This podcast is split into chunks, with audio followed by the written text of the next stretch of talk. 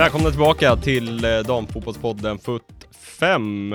Vi eh, har precis eh, surrat med Daniel Angegård i dryga timmen. Ja, jävligt kul. Eller hur? Specialavsnitt som Specialavsnitt. släpps när då? Eh, mellandagarna har vi tänkt va? Mm. Ett litet julmys. Ja men precis, ett litet, eh, vad är det man säger, den som väntar på något gott och så vidare. Exakt, exakt. Hur är läget med er? Eh, ja men det är fint. Eh, lite landslagsuppehåll eh, är vi mitt i, när vi spelar in det här i varje fall. Och sen hur mysigt det har varit för svensk del, det är en annan femma efter den snöpliga förlusten mot Schweiz. Men jo då, det, det, det är bra utöver det. Ja men samma här, det, det var lite sjukt bara att kolla på fotboll och, och slog det snö utanför. Det var lite så här, vad händer här? Men det var superkul att få se massa fotboll och landslag igen efter VM. Det var länge sedan ändå. Ska vi ta, ska vi ta en liten skid, eh, skidkoll nu innan vi drar igång ett riktigt fotbollsavsnitt här? Hur har det gått för, eh, för oss i eh, veckan, eller i helgen? Det har gått helt fantastiskt. Trots massa corona så har det varit, damerna vann stafett första gången på 14 år i världscupen och herrarna lyckades komma tvåa. Det är sjukt. Det De- är häftigt. Det är sjukt. Och var nära på att spurta ner i Norge men krafterna räckte inte riktigt helt. Men en andra plats är bra. Ing, inget bragdguld där tyvärr. Jag såg att eh, Nej. Daniel Ståhl fick det nu i, Exakt. idag istället, diskus. Men, men det som vi kan glädjas åt är ju att eh, norskorna hamnade väl utanför pallplats i stafetten Ja, dessutom. Så Det att, eh, förtjänar de. Eh, men hörni, vi tar väl och kickar igång som vanligt med ett eh, litet svep från eh, landslagsfotbollen som har varit. Det tycker jag. Kör hårt. Svepet tar sin början i London och på Wembley där svenska Tess Olofsson höll i ställningarna när England tog emot Nederländerna i en match där värdnationen var piskade att vinna. Arsenals storstjärnor Beth Mead och Viviane Miedema fick från sina respektive bänkar se Englands trevande första halvlekar från VM göra sig påminda även i den här matchen. Vid halvtidsvilan hade Linet Berenstein skjutit en 2-0-ledning till holländarna efter två tveksamma ingripanden från Mary Earps i det engelska målet. The Lionesses var riktigt illa ute när Beth Mead äntrade planen och 15 minuter in i andra halvlek var det status quo på Wembley efter två mål inom loppet av två minuter. Men det tog inte slut där. I den 91 minuten fullbordade Ella Toon Englands vändning när hon gjorde matchavgörande 3-2 inför ett Wembley i extas. Englands, eller Storbritannien som det blir, eh, OS-öde avgörs nu i den sista gruppspelsmatchen mot Skottland. Och som det luktar läggmatch. Rule Britannia, Britannia rules the waves. I grupp 2 i A-divisionen lyckades Norge undvika ett praktfiasko hemma mot Portugal. Förlust där och vårt grannland, som tydligen kan spela fotboll, hade trillat ur Nations Leagues A-division. Istället var det Ada Hegberg som stod för ett hattrick och ett Norge som städade av portugaleserna med 4-0. Men eh, kul för Norge. Kul. Kul. Till Tyskland och Rostock där hemmanationen under interimförbundskaptenen Horst Rubers har fått en flygande start sedan dennes intåg. Två vinster av två möjliga och mot Danmark utan skadad Pernilla Harder såg det tyska maskineriet ut som man är vana att se det. Alexandra Popp, Marina Hegerin och Clara Bühl skrev in sig i målprotokollet när Tyskland tog en stabil 3-0-seger över dansken. Siffror som var i underkant enligt eh, Rubesch. Nu krävs endast seger för tyskorna borta mot redan avhängda Wales i den sista gruppspelsmatchen för att gruppsegern och vidare avancemang ska säkras. Så då till Sveriges grupp där Spanien kunde säkra första platsen i gruppen när Italien kom på besök hos världsmästarna. Spanien tog tag i matchen från start och gjorde välförtjänt 1-0 genom Atenea del Castillo. Resultatet stod sig till halvtidsvila, men visst borde det ha varit större siffror än så. Den spanska förbundskaptenen Montse Tomé tyckte dock att det var så pass övertygande att hon valde att vila målskytten del Castillo och Aitana Bonmati i den andra halvleken. Men då vaknade italienskorna till liv. När matchuret stod på 65 minuter hade Italien vänt på steken och tavlan visade 3-1 till gästerna från det stövelformande landet öster om den Iberiska halvön. Ester González reducerade för de regerande världsmästarna, men närmare än så kom inte Spanien. Italien höll undan, vann och gav i och med det Sverige fortsatt hopp i drömmen om en OS-plats 2024. Så beger vi oss till ett annat bergigt land, nämligen Schweiz. Schweiz. Där Sverige bara skulle städa av alplandet och i och med Italiens seger har allt i egna händer inför den avslutande matchen mot Spanien. Världsettan Sverige inledde pikt och hann med att skapa två farliga chanser under matchens inledande minuter. Men istället för ett tidigt blågult mål var det istället hemmanationen som nätade först. Nathalie Björn tappade bort Anna Maria Senogorcevic som till synes ostört kunde nicka in 1-0 till Schweiz bakom en chanslös Jennifer Falk i det svenska målet. Efter en halvseg första akt studsade Sverige tillbaka rejält i den andra halvleken och skapade ett par hundraprocentiga chanser som borde ha ledat till ett par mål. Men den röda försvarsmuren och Elvira Herzog i det schweiziska målet hade spikat enbutiken i det tunga snöfallet i Lusen. Och när till och med stolparna var på Schweiz sida så fick de blågula sakta men säkert se sig besegrade. 1-0 till Schweiz och en kvinnlig OS-turnering i fotboll kommer därmed för första gången någonsin spelas utan svensk representation. Vi gör en kort avstickare till Nations Leagues B-division där Irland och Finland gör slarvsylta i sina respektive grupper. Fem matcher och fem vinster för de båda länderna och Finland som inför den sista omgången inte ens släppt in något mål. Det är väl ändå en perfect run om något. Manen Zwami och så tar vi oss till Kanada där The Goat tar sitt stora farväl. Christine Sinclair med 330 landskamper och 190 mål för Lundlöven gör i dubbellandskamperna mot Australien sina sista minuter i den kanadensiska landslagströjan. Fredagens möte mot ett reservbetonat The Matildas slutade i en 5-0-seger för Kanada som fick en viss revansch efter storförlusten mot just Australien i sommarens VM. Sinclair hoppade in och spelade 25 minuter vid ställningen 5-0 men ikonens stora avtackning kommer i onsdagens möte på BC Place i Vancouver, som kvällen till ära har bytt arenanamn till CS Place för att hylla landets största idrottskvinna någonsin. Happy International Retirement, säger FUT5. Och i veckan blev det också klart att Caroline Seger hänger upp sin landslagströja för sista gången efter landskampen mot Spanien. Sveriges meste landskampare och den mest meriterade spelaren i svensk landslagshistoria. Tre VM-brons, två OS-silver, Sveriges bästa mittfältare fem gånger, Diamantbollen 2009, Världselvan 2011 och nu har vi väl ändå glömt den där jävla straffen. Tack för allt, Caroline Seger. Ba, ba, ba, sweet Caroline ba, ba, ba. Good times never seem so good. So good, so good, so good. Ska vi börja där eller? Eh, Sveriges eh, OS-debacle, eller OS-debacle, men det, det, är det ju på sätt och vis. Men eh, Ja, men det får man ändå säga som världsetta på Fifas världsranking. Att eh, debacle, det är inte för små ord tycka. Även om vi är i samma kvalgrupp som Spanien. Men just eh, Schweiz eh, borta, jag vet att vissa av oss var väldigt segervissa. Jag kände ändå så här, vad fan, alltså den här insatsen mot Italien, det var inte alls övertygande. Vad är det som gör att Sverige inte lyckas göra mål till att börja med mot eh, Schweiz? Alltså, eh, mycket bra fråga. För ja, men, trots spelare som inte har, men, som har haft småskador under hela säsongen och så, så vi ska kunna städa av Schweiz. Så bra är det här svenska landslaget vanligtvis.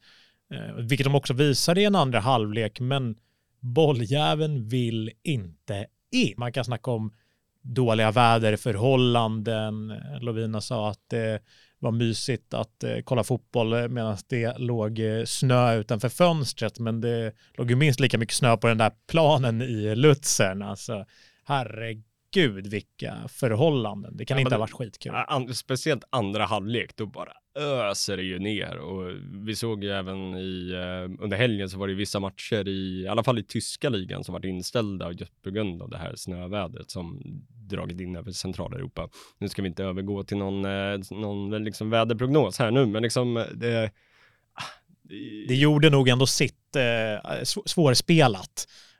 Även om Sverige kom till eh, ett gäng hundraprocentiga chanser som du var inne på i svepet så uh, ja, jag, jag vet inte riktigt. Eh, det är lite talande också kanske det är att eh, ja, men Caroline Seger nu som lägger skorna på hyllan eh, efter, eh, efter Nations League-kvalet, att det är många ändå tyvärr kommer komma ihåg henne för, många kommer komma ihåg henne för eh, hennes bra saker och allt hon har gjort för damfotbollen i världen.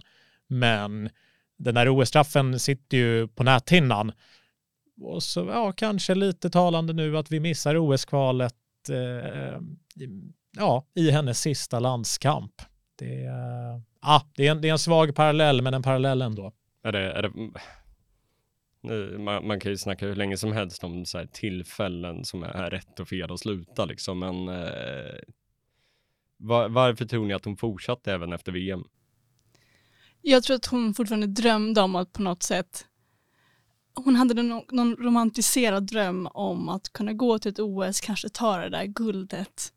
Um, eller bara få vara med en sista gång i ett mästerskap och kunna spela.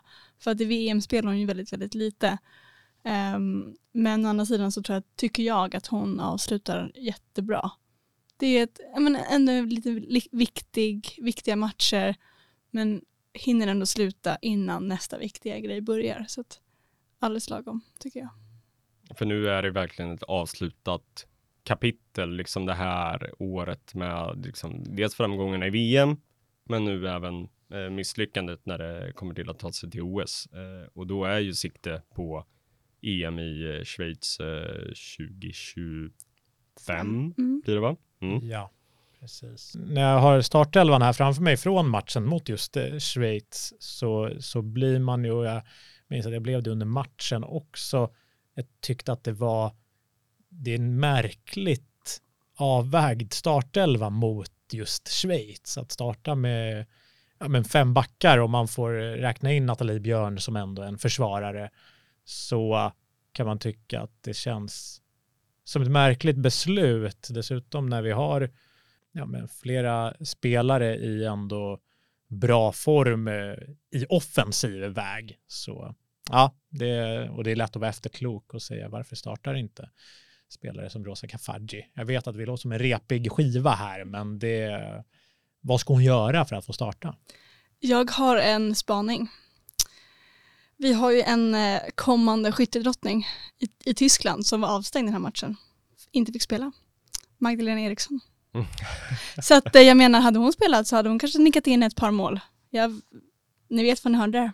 Ja. Vill bara säga. Men det, jag tror ändå att det, det är klart att Magda, alltså vi har ju bra spelare ändå, men Magda är ju väldigt viktig på planen. Och det tror jag att alla vet om. Och jag tror också att hade hon, jag säger inte att de skulle vinna med henne, men jag tror det hade kanske blivit en annan trygghet i laget på något sätt. Framförallt i försvarsspelet tror jag. För ja. förra matchen då, det känns som att just i alla fall Magda Eriksson och eh, Amanda Ilestedt hittade ju någonting där under VM-turneringen eh, och de eh, spelade ju inte tillsammans heller mot Italien för då var ju Ilestedt out, ersattes av Sembrant och nu vart det mm. Sembrant och Ilestedt i Erikssons frånvaro. Nu säger jag inte att målet hänger just på dem, det är väl mer Björn som tappar markeringen lite, men det, det är klart att man tappar ju någonting i alla fall i samspelet, backlinjen. Också en väldigt bra nickpanna vi tappar. Ja, mm. äh, verkligen. Det är samtidigt äh, Ilestedt är ingen kan, ovan målgörare. Kan, kan någon ge det? Ilestedt gick hon under namnet som under, i alla fall i våra mästerskapspodd mm. i somras. Um, Exakt. Men Exakt. Matilda Winberg fick komma in på slutet, i andra halvlek i alla fall, och eh, såg ganska pigg ut ändå. Mm. Eller vad mm. tycker ni? Ja, ja, som vanligt. Ja, pigg, men... Inte så att eh, jag liksom uppmuntrar till att vi bara ska snacka Bayern här, men jag, mm. jag tyckte genuint att hon eh, såg spännande ut. Verkligen, om man ska snacka Winberg så eh, ja, oklart om hon blir kvar i Hammarby eh, framöver. Jag tror också att för hennes fortsatta karriär så hade hon mått bra av att ta ett tillsteg i karriären. Nu eller eh, till sommaren? Eller? Ja, men det, det kanske är klokast att göra det till sommaren eh, som du säger i och med eh, ligacykeln i, i de större ligorna. Men jag håller med dig om att hon såg pigg, pigg ut, men det, det räckte inte, utan stolparna, stolparna var i vägen för Sverige hela tiden, eller deras egna oförmåga. Mm. Jag menar, jag vet inte vem det är som slår inlägget, om det är kanske Winberg till eh, Rytting Kaneryd som kommer där och ska egentligen, alltså det är öppet mål som hon har och lyckas träffa med ovansidan av knät eller någonting och missar målet. Det är, oh, vad jobbigt det var att se. Ja, verkligen, verkligen oförmåga att få in bolluslingen eh, i just den här matchen. Ja, ah, i, i ett sånt avgörande läge? Vad, alltså, ska man dra några slutsatser av det? Jag, jag, jag var ju som du hintade om inne på att vi ska inte dra för stora slutsatser av poängtappet som vi gjorde mot Italien. Men nu är det ett poängtapp mot Schweiz också. Det här kvalet överlag har varit ja, rätt dåligt från Sverige. Och vi kan ju säga det också att skulle Sverige förlora nu mot eh, Spanien i sista matchen samtidigt som Italien vinner så får ju Sverige alltså kvala sig kvar i eh, Nations Leagues eh, A-division mot eh, en eh, tvåa från eh, eh grupperna i Eh, Nations Leagues eh, B-division. Och där, där ska vi ju inte vara oroliga över, eh, liksom så här, kan Finland gå fem matcher med 16-0 i målskillnad? Det säger lite om motstånden i den, i, men å andra sidan det är ett en, enkelmöte. Och då möter man, är det klart vilka man möter då? Eh, det är lite oklart eh, vilka det blir, men, men det är ju typ så här i lag i Bosnien, Hercegovina Ja, och så här, Slovenien typ. Det är alltså, Men när jag såg startelvan så blev jag ju lite sur på en grej. Gissa vad? är det målvaktsbytet? Mm. Ja. Alltså jag förstår att Jennifer Falk har spelat mot Real Madrid och inte släppt in så mycket bollar. Jag förstår det. Och Zecira inte får spela någonting i Chelsea hos Emma Hayes. Men varför? Alltså Mosevic stod hela VM, var typ en av VMs bästa målvakter. Både när det gäller gester och att hon tog bollar. Och Jennifer Falk vet vi inte har nerver för stora matcher. Varför kastar man in Jennifer Falk? Förutom Champions League då, då verkar hon hålla, hålla måttet. Jo, men å andra sidan så har de inte fått så mycket skott på sig. Ja, men jag, jag, jag, jag fattar vad du menar. Jag, Mm. jag håller med om det också. Sen tänker jag lite så här för Zecira Musovic självförtroende nu när hon har haft den här liksom svaja förtroendet i Chelsea där det har varit lite ut och in. Och nu även komma till landslaget där efter den VM-turnering som hon gjort och även inte liksom veta säkert att hon spelar där heller. Mm. Det kan också sätta griller i huvudet på henne tror jag. Jo, jag menar alltså även fast vi vet ju att hela laget är professionella men att byta målvakter är ju störigt för laget generellt och i en sån här match där man måste vinna då kanske inte är läge att experimentera utan bara köra på sitt säkra, trygga kort egentligen. Sen säger jag ju inte jag att Cecilia skulle tagit den här bollen men, men ändå. Tänkte bara flika in där på just målvakter och när vi snackar Nations League, Mary Earps som eh, ja, men håller på att kosta England eh, definitiv eh, slutspelsplats i OS-kvalet. Är det för... Jag, jag, jag tycker att hon har haft en rätt svag säsong i eh, Manchester United också inledningen av den här säsongen. Är det början på slutet eh, vi ser för Earps? Jag menar hon i somras så var hon klassad som världens bästa målvakt. Med all rätt ska vi säga. Mm, absolut. Verkligen, men eh, precis som i Sveriges fall så kan vi se att saker går rätt snabbt eh, efter, efter en fin sommar och eh, Earps eh, blir dessutom flåsad i nacken av Manchester Citys eh, Kiara Keating. Exakt, Mm. som har gjort en eh, kanonsäsong med flest nollor i ligan. Och, Och eh, hon är född 04, vad är man då? Ni- Herregud. 19 år gammal. Shit. Alltså det är, det är sanslöst. Men tror inte ni att det finns någon risk att ehm, Mary Earps ändå är kaffeperson, kanske är fel ord, men att hon ändå alltid kommer stå för att hon är den hon är. Hon har det namnet hon har, de meriterna hon har. Att det lätt blir en sån position och ett sånt läge som det har blivit i Sverige mycket, att man har liksom ett namn och erfarenheten och står därför. Jo, det kan, det kan säkert eh, bli en sån situation. Och sen- Till exempel Hedvig i slutet. Exakt. Förlåt. Ja, men och man kan ju hoppas att det istället blir en att hon känner flåset i nacken och känner att okej, nu måste jag höja mig ytterligare. För jag Mm. menar, hon är inte lastgammal heller. Eh, framförallt inte för att vara målvakt så kan man ju hålla på ett bra tag över 30. Men eh, nej, vi får hoppas att den här konkurrenssituationen eh, gör så att, eh, så att hon eh, fortsätter hålla den höga nivån vi har blivit vana vid. Men vad säger ni om Englands utveckling under eh, ja, även VM? Då tar man sig förvisso till VM-final. Lite på ett lite knackigt sätt, inte alls som i eh, EM-turneringen på hemmaplan. Och lite ovälförtjänt. Ja, men snudd på ändå. Snudd på ändå, Mm. eh, håller jag med om. Och sen nu så slår man återigen för en sån här sömnig första halvlek. Och gör man det mot ett landslag som Nederländerna, då straffar det sig med två mål i baken. Lite, lite brittisk arrogans eh, är det nog som, som vi får se att de är ett bra lag och kommer fortsätta vara eh, med och slåss om medaljer. Det känns som att England är lite likt Norge ibland. Just att de har alla stjärnor, alla stora bra spelare, men lyckas inte alltid nå upp till högsta nivån. Och jag tror att, eller jag är ganska säker på att missar England OS så är det ju förbundskaptenen long gone, bye bye på henne. För att de ska, ju, de ska ju gå vidare, men det blir svårt och jag tror inte att de kommer gå vidare. Jag tror inte heller att England eh, tar den där första platsen i gruppen utan det blir Nederländerna och sen är jag inte lika säker som Lovina på att det är slutet för eh, Wigman men eh, time will tell I guess. Mm. Men eh, nu släpper vi det här när vi vet hur eh, utgången av eh, Nations League-gruppen har fallit. Men ska vi säga så då att eh, Nederländerna, Frankrike, Spanien och Tyskland Mm. Ja. Hörrni, Champions League eh, för damer eh, har ett nytt format från och med säsongen 25-26. Har ni eh, hängt med på det? Jag försökte läsa men fattar inte jättemycket om man ska vara helt ärlig. Det var lite krångligt. Det är lite grekiska över det hela. Verkligen. På ett ungefär förstått hur det är upplagt, men jag, jag tycker inte om det. Jag tycker det är mycket bättre att ha det liksom så här gruppspel som det, som det alltid varit. Mm. Jag är en en enkelhetens man. Jag gillar när det är liksom Som det har varit. som det har varit. Ja. Men eh, jag kan ju dra lite snabbt hur, eh, hur det nya formatet är utformat helt enkelt. För det är som sagt, det är klubbat och klart att så här kommer det bli vare sig vi vill det eller inte. Dels så utökar Champions League från 16 till 18 lag. Det är ingen Stor förändring i sig kanske. Det blir ett ligaspel istället för ett gruppspel då, precis som Elias var inne på.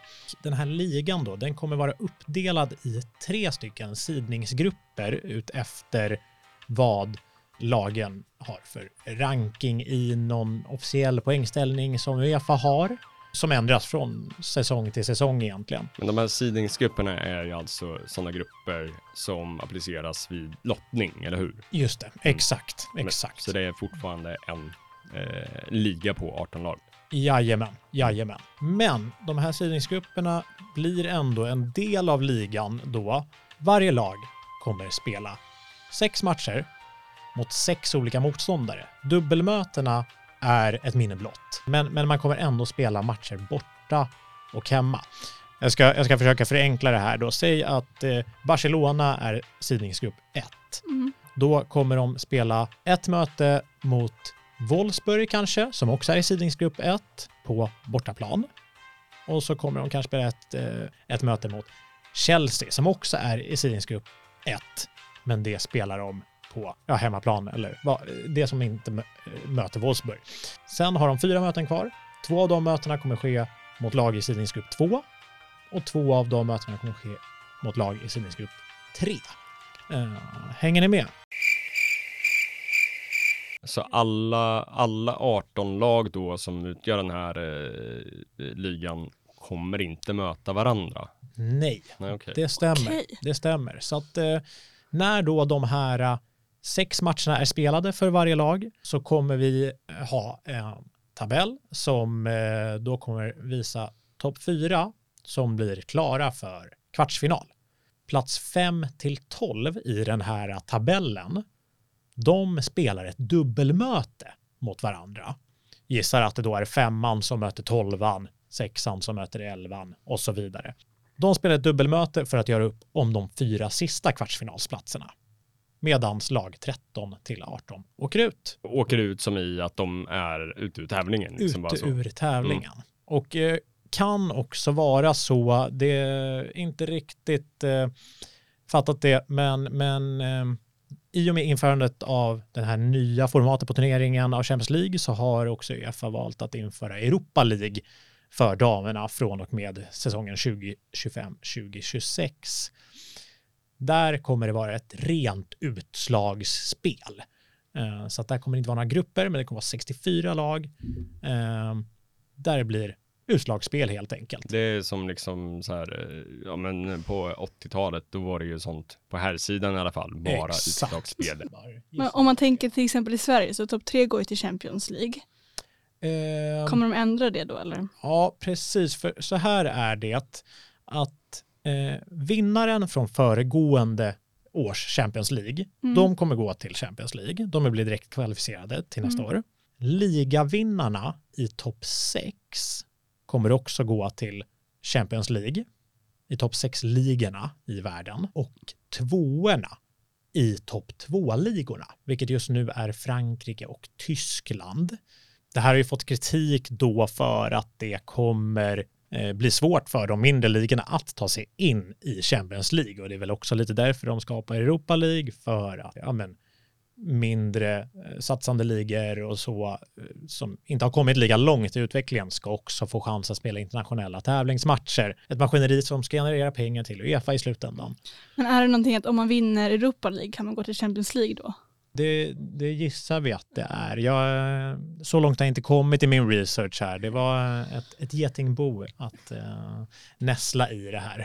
Men jag tycker vi ändå har fått det någorlunda, Verkligen. Eller, någorlunda, väldigt mycket mer eh, förtydligande här nu för oss och eh, även för er lyssnare också hoppas vi. eh, Ja, li, att, lite mer kött på benen. eh, Men eh, nu när vi ändå vet vad det är för någonting, vad tycker ni om det nya upplägget? Jag tycker både och. Ja. Ehm, det är ju kul just om vi säger att Sverige då går till, till eh, Champions League så är det ju roligt för att det känns som att man kanske har en chans på ett sätt. Men det är klart att det känns som att det kommer ta extremt mycket tid, kraft och jag tänker också praktiskt. Vet du, kommer liksom, för nu är det Champions League samtidigt som det är andra ligor. Kommer man köra Champions League ett tag eller kör man som man gör nu? Att man hoppar liksom? Det, det kommer vara eh, parallellt med Okej. ligafotbollen. Mm. Där har ju Sverige kanske då en lite bättre chans. Just för att alla kanske är skadefria, inte tävlar hemma. Samtidigt, precis som nu, mer, mindre matchtränade. Mm, Ehm, Så att, och sen, eh, sen är jag nog lite på eh, ditt spår Elias, att jag har också svårt att ta in när det görs nytt av saker som man redan tycker om. Eh, och det kanske blir superroligt i slutändan, men så här på förhand så är jag, eh, jag är pessimistiskt eh, inställd till, eh, till det här formatet. Det känns, det känns stökigt. Blir, blir fler matcher? Det kommer det bli. Ja. Absolut. Så att, men sen, ja, det har redan höjts eh, röster inom eh, damfotbollen att det eh, spelas för mycket matcher och spelare är slitna. Det vet vi i den fotbollsvärlden vi lever i. Det spelas väldigt mycket fotboll så jag vet inte om det är det här alla spelarna vill, men Uefa brukar få som de vill när de vill det. Men också det känns som att slitna damspelare plus gräs plus knän inte riktigt är en jättebra kombination. Det känns som att det kommer ryka mycket knän under de här turneringarna. Bara för att de vill spela så mycket matcher som möjligt. Nu gäller det ännu mer, det blir ännu mer ekonomisk fråga för klubbarna att rösta, alltså bredare trupper om man ska eh, men liksom kunna rotera och sådär. Tittar vi på Arsenal nu så har ju de ja, men, tre liksom världsklassanfallare i Betmid, eh, Midema och eh, Stina Blackstenius. De har ju verkligen bredd i sitt lag. Mm. Eh, vilket vi kanske kommer komma in på mer nästa vecka. Men eh, ja, nej, eh, ja, det blir, blir spännande att se. Eh, men eh, jag är verkligen inte övertygad om att det är det bästa. Men eh, hörni, vi ska ta och eh, gå vidare med veckans Visste du att? Veckans Visste du att? Veckans visste du att av eh, naturliga skäl så blir det ett eh, lite landslagstema på eh, veckans visste du att. Och jag, jag tänker att vi, vi slänger oss rätt in i elden här. Det är två stycken av ja, men, världsfotbollens stora stjärnor som lägger sina skor på hyllan, åtminstone landslagsskorna. Och det är ju då eh, Seger och Sinclair. Eh, Båda spelar sin sista match eh, denna vecka. Och eh, jag undrar om ni vet vem av dessa spelare som landslagsdebuterade först? Elias är snabb där på att räcka upp handen. jag vill säga att Christine Sinclair gjorde det först år 2000. Eh, Helt korrekt. Jag var inte ens född. Ja, det är en dålig ursäkt. Jag vet det. Ja, ja, jag, var tre, jag var tre år. Jag, Ja, okej, jag, jag det hade konsumerat ganska mycket fotboll då. Ja, exakt. Och vad, eh, ha- har du koll också på när Seger debuterade? Eh, 2005 va? Ja, det är korrekt det också. Riktigt snyggt. Om, eh, om vi ska gå på Sinclair då, lite fokus, så eh, det har väl kanske inte varit den största konkurrensen även om eh, Kanada eh, vunnit ett OS bland annat. Så Det behöver vi inte prata om. Lite ämne, framförallt i eh, samma mening som Caroline Seger. Men eh, hur många gånger har Sinclair utnämnts till Kanadas bästa spelare? Vet ni det? Jag säger ehm, Närmst vinner. 11. Jag säger 15. Ja, Det, ni, ni är nära båda två, eh, men Elias är snäppet närmre. 14. Åh! Det är, det är riktigt bra. Riktigt bra. Elias upp i 2-0-ledning här. Men det kanske blir som England, Exakt. Nederländerna. Ja, men Snart. det, det vart det ju typ förra gången vi körde veckans Fiskare, Exakt. Jag ledde med 2-0, sen tappade jag. Vi, vi, vi vänder till Sverige igen då. Seger har ju också blivit, inte Kanadas bästa, men Sveriges bästa fotbollsspelare. Hur många gånger då? Men det nämnde jag i svepet. där. Mm. En gång. Två gånger. Det är två gånger. Två gånger. 2009 och 2019. Diamantbollen. Ja, Fan, vad hade jag för källa på det här då? Eh, ja, då har vi två diamantbollar på Caroline Seger. jajamän. Två stycken diamantbollar på Caroline Seger. Fortsätter på segerspåret då för att hylla henne här. Hon eh, har ju eh, tagit en del titlar. Inga första platser med landslaget, men eh, medaljer trots allt. Hur många då? 6. Ka- Du säger sex. Jag säger fem. Elias har Fan! rätt. Eh, Tre och VM-brons och eh, två OS. Ja. två OS-silver, precis. Ja, uh, VM-bronsen 2011, 2019 och eh, 2023. Vill till och med läsa till med att hon har vunnit två stycken eh, Algarve Cup också. Det är ju... De ska man inte skoja bort. All right då. Vill ni avsluta med eh, lite pingpong återigen? Oh, ja. Ja. men det, det var roligt senast. Så att, Ja. eh, ja. Eller hur? Eh, Kan, kan vara av eh, den svårare nivån här. Vi får se, u- Mm. utvärdera här.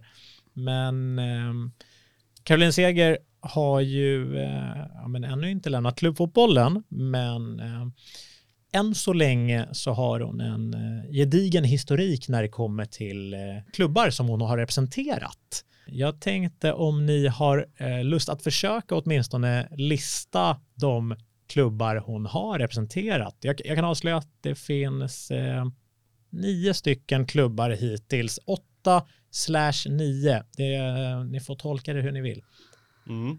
Eh, och, och jag tänker att eh, Lovina som är i underläge får, eh, får börja. Rosengård. Då säger jag Tyresö. Det är också rätt. Ehm, ja, jag kan inget. så Jag säger Kopparberg. Nej, där, Växjö, Norrköping. Ingen aning. ja, det, det, det Jag är tufft. ute. Mm. Det var inte din, din gren den Nej, här. nej, Eh, har du fler på lager Elias? Uh, ja men det ska jag nog ha. Linköping har ju varit i också. Fan såklart, hon har varit i Linköping. Eh, sen har vi ju Olympique Lyon. Jajamän.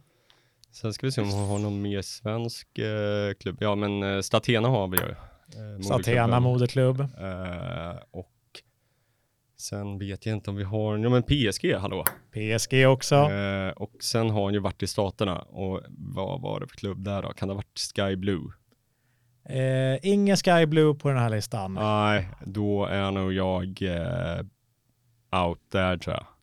Ja, Men ja det, är, det är riktigt, alltså. eh, riktigt snyggt. Eh, Vilka, vilka mer klubbar har vi? ja, men det är ju, ehm, eh, om vi räknar eh, LDB FC för Ah. detta, eh, Rosengård. Det, det, det räknas som en egen klubb alltså?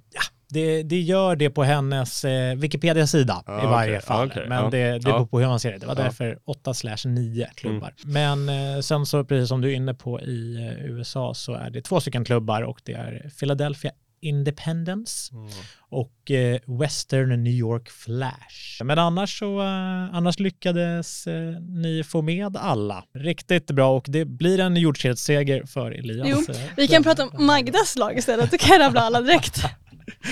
Ja, fem men det, det, du, får, du får chansen till revansch en annan Mm, gång. men det var svårt. Det var, det var väldigt eh, tuff Man får, pingpong. också, man får också verkligen hjärnsläpp när man sitter här. Man bara, eh, Lite press på att det ska gå snabbt Ja. också. Det, jag blev nästan tveksam på Rosengård också. Jag var så här, spelar hon fortfarande där eller har hon bytt lag?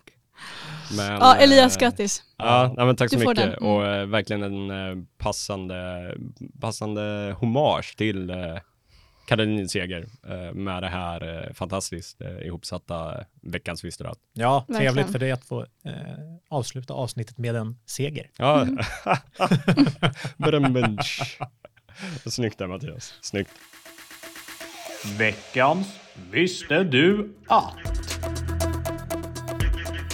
Men hörni, vi ska ta och eh, börja avrunda, men innan det så uh, kikar vi lite på vad som uh, komma skall nu när klubbfotbollen är tillbaka.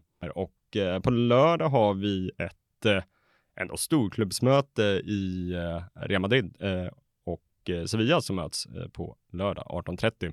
Vad känner ni inför den matchen? Det ska bli jättekul, framförallt att klubbfotbollen är tillbaka, men också spännande att se om eh, Sevilla kan haka på toppklubbarna i eh, Liga F. Så att eh, jag, jag är inte helt, och plus att Real Madrid har inte gått som tåget senaste tiden. Så att eh, det kan bli en oviss match. På söndagen har vi en ganska, ganska fina matcher. Det börjar med Roma-Milan 12.30. Milan som, eh, ja men det snackade vi lite om senast, deras kräftgång, kommer den fortsätta nu efter uppehållet Ja. eller? ja. Ja, Asllani har inte sett övertygande ut i landslaget heller. nej, och eh, vi pratade med Danne förut om Evelyn Wien. Så att eh, hon kommer sätta dit några mål tror jag. Ja, det, det känns inte alls omöjligt. Roma som eh, Tuffar på. toppar och eh, ja, har, inte, har inte tappat en enda poäng hittills. Så att, eh, antagligen lär det bli en eh, riktig käftsmäll för, Mm. eh, för Milano-klubben. En liten tumme håller man ändå för eh, kapten Aslani. Men vi säger ändå spiketta på Roma. Ja, Eh, och då tar vi oss till England där den eh, ja, absolut största matchen spelas. Och det är ju eh, det stora London-derbyt mellan Arsenal och Chelsea som utspelar sig. Och ja, vad har ni för förväntningar inför eh, den här stormatchen? Jag har ångest. Även fast Magda inte är med. Jag har extrem ångest, även fast Magda inte är med. Jag, eh, det kom, alltså jag har jättesvårt att förutspå hur det ska gå. Hur det ska gå. ja samma Ingen här. aning. Det känns som att, jag vet inte. Ja, men Arsenal, alltså jag menar med Midema och Beth Mead tillbaka. Eh, ja, men Blackstenius som ändå är i fin målform. eh, Mm. Ja, men laget också som efter en eh, knackig start, vi- säger vi varje gång, men liksom det var, fick en tung start på eh, Women's Super League och nu är man verkligen igång och eh, skuggar Chelsea i toppen. Tror man dock att Arsenal kan liksom besegra de obesegrade? Det är det, alltså Sam Kerr, vi har Rytten Kaneryd, vi har, det är så många vi har också i Chelsea. Ann-Katrin Berger har vi, Ann-Katrin Berger, vår favorit fotbollsspelare. målvakten som, eh, ja, gör att, eh, som gör så att eh, Cecilia Musovic fortfarande förflyttats till bänken under Emma Hayes ledning. Mm.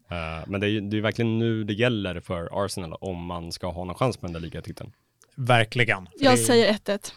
Du ser det kom. 1-1 alltså. Ja, det, det blir åtminstone ett eh, riktigt test för Eidevalls eh, Arsenal.